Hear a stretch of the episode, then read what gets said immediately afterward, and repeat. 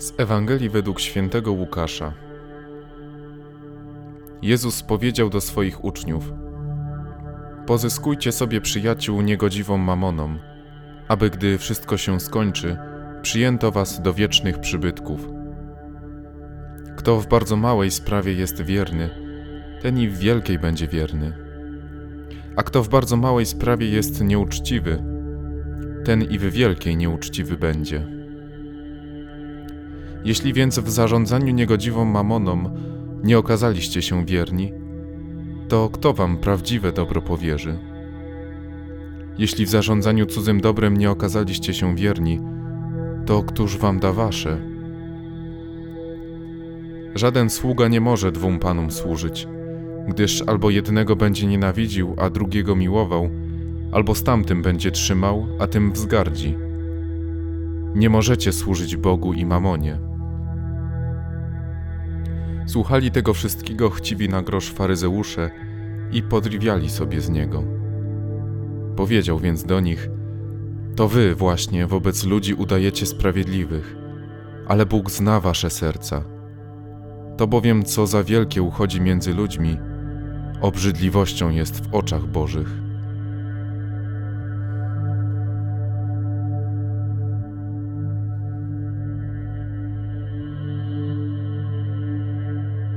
Zauważmy trzy bardzo konkretne postawy, o których mówi Jezus w tej Ewangelii. Pierwsza.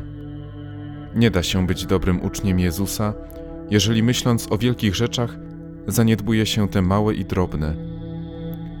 Może się zdarzyć tak, że będziemy myśleć głównie o ratowaniu świata, ewangelizowaniu tłumów, wielkiej mistyce i skupiać się na tego typu marzeniach. Jeżeli do tego dojdzie zaniedbanie własnych obowiązków, nawet tych drobnych, postawimy wszystko na głowie. Nasz stan serca oddają nie nierealne wizje, ale właśnie konkretna wierność temu, co małe. Bo u Boga nic nie jest małe, jeżeli jest robione z miłością. W jaki sposób będziemy gotowi służyć Bogu w jakichś wielkich sprawach, jeżeli nie radzimy sobie z wiernością tym małym? Druga postawa.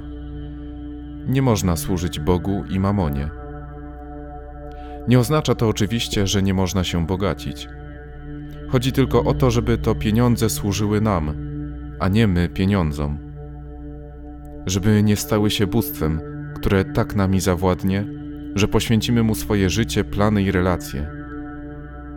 Serce człowieka może pomieścić tylko jednego Boga. Trzecia postawa nie ma żadnego znaczenia, w jaki sposób kreujemy się w oczach ludzi.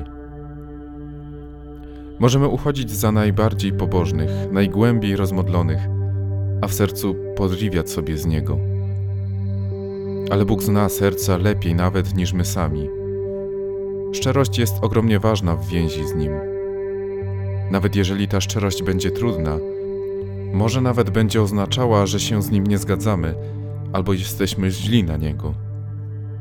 Warto stanąć przed Nim w prawdzie naszych myśli i uczuć, nie zakładać masek, które i tak w końcu zostaną zdarte.